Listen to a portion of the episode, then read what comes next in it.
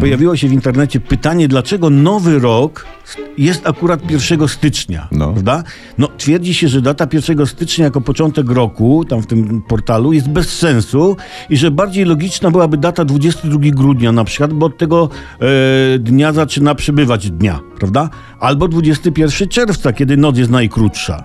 Otóż, słuchajcie, data 1 stycznia jako pierwszy dzień nowego roku nie jest przypadkowa, jest logiczna, bo nowy rok wita się zawsze na zabawie sylwestrowej, prawda? Tak zostało ustalone, że ma to być właśnie zabawa sylwestrowa. A Sylwester przypada kiedy? 31 grudnia. Gdyby przesunąć początek roku na inną datę, to wtedy nie byłoby Sylwestra. A widział ktoś, słyszał, żeby nowy rok nie witać na Sylwestra? Haha, jak to?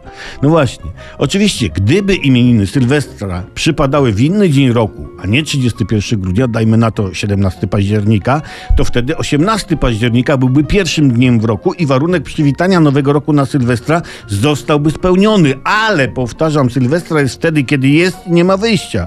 Poza tym, skoro 31 grudnia jest ostatnim dniem starego roku, a po nim następuje 1 stycznia, to nie ma innego wyjścia. 1 stycznia musi być pierwszym dniem nowego roku.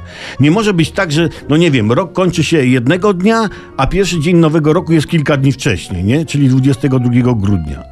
Albo pół roku później, 21 czerwca. No nie, no nie no, no, no dni muszą następować po sobie. Taka jest logika i nic jej nie zmieni. Nie zmieniajmy.